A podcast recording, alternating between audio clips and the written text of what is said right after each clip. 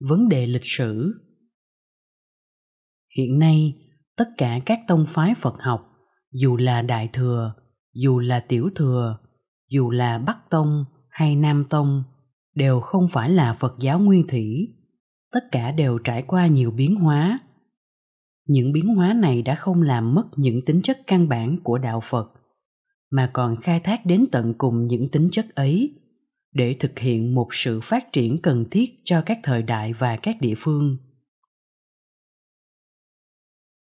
Nếu đạo phật chỉ là một mớ giáo điều cố định, thì đạo phật đã không có địa vị như ngày nay trong văn hóa nhân loại. Đạo phật là một giáo lý có nhựa sống mãnh liệt, phong phú.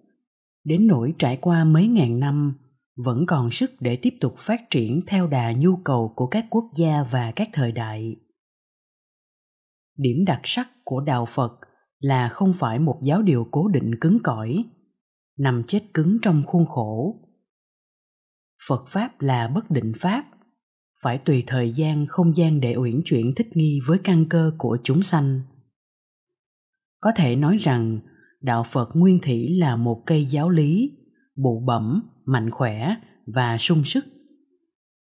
Cây giáo lý ấy đã theo thời gian mà trưởng thành để rồi bây giờ trở nên một cái cây to lớn, cành lá rườm rà xanh tốt. Đừng ai bắt cây giáo lý đứng yên ở trạng thái ban sơ của nó, không cho nó sinh trưởng. Bởi vì nếu không sinh trưởng thêm thì nó đã tàn hoại và ngày nay đã không có nó. Đàn này nó sinh trưởng mãnh liệt vì nó có một sức sống mãnh liệt. Bây giờ đây, nó to lớn xum xuê nhưng nó vẫn là cây giáo lý. Bao nhiêu hệ thống giáo lý, bao nhiêu tông phái lưu truyền trên thế giới hiện nay đều là phát xuất từ phật giáo nguyên thủy. Nói một cách khác hơn, đều là những phát triển của một phật giáo nguyên thủy. Những hệ thống giáo lý này đã có đủ ở phật giáo nguyên thủy nhưng chỉ được khai thác và truyền dương theo nhu cầu của thời đại mà thôi. Nguyên thủy hay cận đại phật giáo vẫn là phật giáo. Nghĩa là vẫn có mục đích giải thoát diệt khổ, vẫn tôn trọng sự sống và chân lý, vẫn chủ trương từ bi tế độ. Cũng như nước bốn biển, chỉ có một vị là vị mặn. Giáo lý của ta cũng chỉ có một vị vị giải thoát. Tự giam mình trong khuôn khổ của giáo lý nam tông, rồi bảo phật giáo bắc tông không phải nguyên thủy. Hay đứng về mặt giáo lý đại thừa mà cho rằng tiểu thừa là hẹp hòi, cố chấp. Hai thái độ đều thiên lệch, không xứng đáng. Phải nhìn giáo lý qua sự nhu cầu của nhân loại, ta mới thấy được khả năng bất diệt của đạo phật và luôn đó cả tinh thần tích cực nhập thế của phật giáo. Nền văn học phật giáo minh chứng một cách hùng hồn cho sự thực ấy. Dù cho phật giáo phương nam có tự hào giữ được nhiều tính chất nguyên thủy, ta cũng thấy đã có sự biến đổi trên nếp sống tư tưởng và tổ chức. Chính thời đại mới, sinh hoạt mới đã tạo nên sự biến đổi đó. Ở bắc phương, nhiều phong thổ khác nhau nhiều nếp sống khác nhau. Cho nên đạo phật đi đến đâu cũng đều thích nghi để hòa mình vào sự sống của các dân tộc. Tinh thần tích cực nhập thế của đạo phật đã là một trong những nguyên nhân làm cho đạo phật phát triển mãnh liệt. Ở thời đức phật, con người đã quá đau khổ và vì vậy rất mong mỏi giải thoát cho cá nhân mình. Giáo lý phật giáo cố nhiên phải cung phụng cho nhu cầu giải thoát ấy người ta chỉ lo tuyên dương giáo lý giải thoát cá nhân, sùng thượng giáo lý ấy, và hầu như không còn để ý đến giáo lý nhập thế tích cực nữa. Các kinh điển đại thừa hầu như bị bỏ quên, không được ai nhắc đến. Dần dần về sau, theo nhu cầu của thời thế, người ta mới để ý đến kinh điển đại thừa, mới tuyên dương giáo lý đại thừa cho nên những kinh điển đại thừa xuất hiện chậm hơn các kinh điển tiểu thừa. Giáo lý đại thừa mà đức phật truyền dạy riêng cho những bậc bồ tát, những hàng đại căn có tinh thần nhập thế, giáo lý ấy mãi về sau mới được chú ý đến. Vậy, trong lúc nghiên cứu văn học phật giáo, chúng ta phải gạt ra ngoài những cố chấp để có thể thấy rõ được tinh thần và khả năng của toàn bộ giáo lý đạo phật. Vấn đề tri hành. Biết rồi mới làm thì bao giờ cũng hơn không biết mà cứ làm. Nhưng chữ biết này tất nhiên không phải chỉ có một mớ kiến thức lỏng lẻo có tính cách lý thuyết. Tục ngữ ta có câu, trăm hay không bằng tay quen thật có thể là một câu giải thích về nghĩa tri hành rất thần diệu. Trăm hay chính là cái biết thuần lý thuyết tay quen là cái biết do kinh nghiệm. Cái biết thuần lý thuyết không thể dẫn đạo cho thực hành một cách sáng suốt và có hiệu quả bằng cái biết của kinh nghiệm. Người ta cũng hay nói rằng, biết rồi mới làm. Nhưng ít người nhận thấy rõ rằng, cái biết đi trước cái làm ấy phải là cái biết của kinh nghiệm. Do đó, phát sinh ra cuộc tranh biện, tri nan hành dị và tri dị hành nan và người ta cãi nhau không ngừng. Giá họ chịu khó dừng lại để định nghĩa hai chữ tri và hành, thì có lẽ họ sẽ đồng ý với nhau mà không còn tranh luận nữa. Tôi muốn vợ đất trồng rau cải, nhưng tôi chưa biết trồng thế nào, nên tôi phải đi tìm học để biết. Tôi đọc sách về nghề trồng trọt tôi đi thăm các vườn rau cải ở các nhà láng giềng. Tôi hỏi thăm cách thức và tôi cố ý nhìn các nhà trồng rau cải chuyên môn khi họ làm việc. Và cuối cùng tôi thu thập một mớ kiến thức. Tôi cho mớ kiến thức ấy là cái biết cần thiết để có thể làm nền tảng cho cái nghề trồng rau, cái hành của tôi. Ngỡ rằng mình sẽ bán được từng loạt rau cải giá hàng mấy chục ngàn đồng một lần như các nhà trồng tỉa chuyên môn. Nhưng ai ngờ tôi thất bại. Có nhiều lầm lỗi tôi đã mắc phải. Có nhiều phương trước hay tôi không áp dụng. Có nhiều công việc tôi tự làm theo sự suy đoán duy lý của tôi. Thành thử, tôi biết cái kiến thức mà tôi hiện thu thập được chẳng qua chỉ là một mớ hiểu biết lỏng lẻo, có tính cách lý thuyết. Không đủ để cho tôi thành công lần thứ hai tương đối thành công hơn lần trước.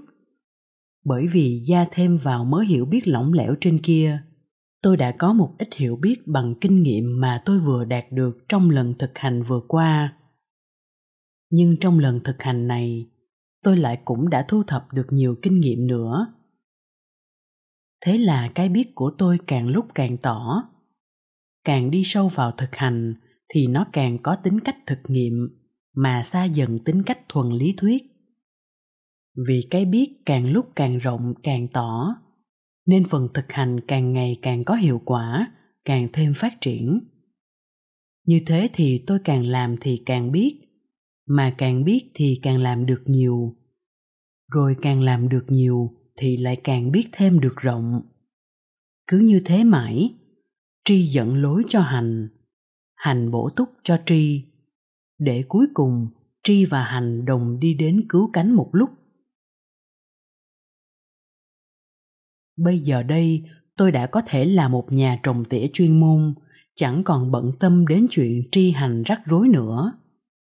Tôi đã đạt đến kỹ thuật tối cao của người trồng tỉa.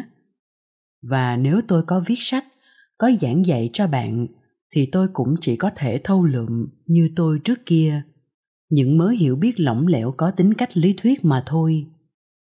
Bây giờ thì đến phiên bạn, và bạn lại phải bắt đầu bước lên con đường thực nghiệm tri hành.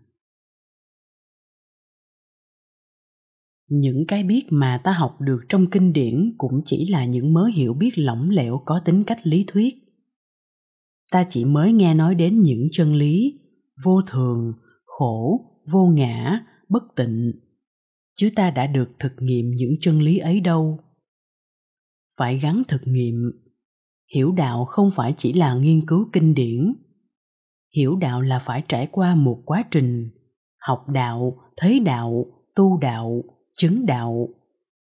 Chứng tức là cái biết thực nghiệm, vượt ra ngoài những lý luận vô ích.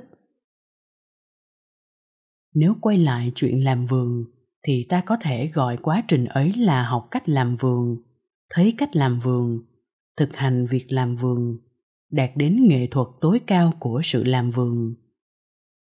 Và muốn đạt đến chứng thì ta phải trải qua bao nhiêu tri hành liên tiếp. Cho nên, những mới hiểu biết lỏng lẻo có tính cách lý thuyết rất cần cho lúc ban đầu. Đó là khăn gói để lên đường. Đó là thời điểm miễn ta đừng cho nó là cái biết cứu cánh thì thôi. Theo phương pháp đó mà thực nghiệm công cuộc thực nghiệm tâm linh, để diệt mê vọng và khải phát trí tuệ viên mãn. Trí tuệ viên mãn ấy gọi là bát nhã.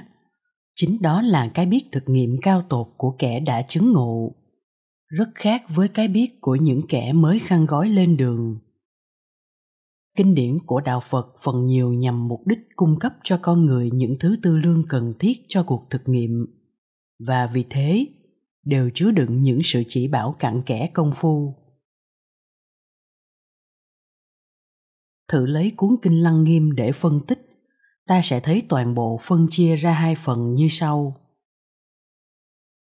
Phần thứ nhất, chân lý luận.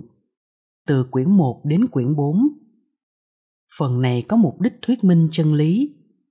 Chỉ bày nhận thức giải thoát cho mọi người. Lại chia làm hai phần. Phần một xét về thể tích của vạn pháp từ quyển 1 đến quyển 3 và phần 2 xét về tướng trạng của vạn pháp quyển 4 Phần thứ hai, phương pháp luận từ quyển 5 đến quyển 8. Phần này có mục đích chỉ bày phương pháp để thực nghiệm chân lý đã trình bày ở phần trên. Lại chia ra làm bốn phần. Phần 1 nói về sự phát tâm. Phần 2 thuật lại lịch trình tu chứng. Phần 3 nói về cách thực hành. Phần 4 nói về sự đề phòng và đối trị những trở lực tai hoạn với một tổ chức nội dung như thế kinh lăng nghiêm đáng được xem như là một cuốn sách chỉ đạo cho thực nghiệm. Không những chỉ có một cuốn kinh lăng nghiêm mới là sách chỉ đạo thực nghiệm, mà các kinh khác cũng đều tổ chức gần giống như vậy. Phần đầu thường là phần chỉ bày chân lý, và phần sau là phần chỉ bày phương pháp thực nghiệm chân lý ấy. Người học phật đầu tiên phải tìm hiểu những điều đã được trình bày trong các giáo điển của phật vì kinh điển là phương tiện giải bày chân lý đã chứng ngộ và phương pháp thực nghiệm thể hiện chân lý ấy. Mục đích của người học phật là diệt trừ dục vọng, nguyên nhân của khổ đau, đạt đến trí tuệ để chứng nghiệm chân lý. Nhưng kỳ thực, hai mục đích ấy chỉ là một, bởi vì diệt trừ dục vọng tức chính là đạt đến trí tuệ sở dĩ trí tuệ không phát hiện và ta không chứng nghiệm được chân lý là vì dục vọng che lấp tâm ta. Mà dục vọng tức là vô minh. Càng diệt dục vọng, trí tuệ càng khai mở. Và khi dục vọng tiêu diệt, thì trí tuệ viên mãn sẽ được thực hiện. Như ta được biết, phương pháp diệt trừ dục vọng và khai mở trí tuệ chính là tam học, giới, định tuệ. Giới và định là hành, tuệ là tri. Giới định càng vững, tuệ càng phát hiện. Tuệ càng phát hiện thì giới định lại càng được tăng cường, càng được củng cố. Và cứ thế, hành giả tiến đến giai đoạn chót của cuộc tri hành, diệt được mê vọng, chứng được tánh giác. Cái tri mà đạo phật hướng đến là cái chánh biến tri sự hiểu biết chân chính cùng khắp, bao quát tất cả những cái học nhi tri, sinh nhi tri, khốn nhi tri của con người. Đến được cái tri ấy thì chẳng còn gì mà phải hành nữa. Cái hành của đạo phật hướng đến là cái hành viên mãn của sự tự giác giác tha.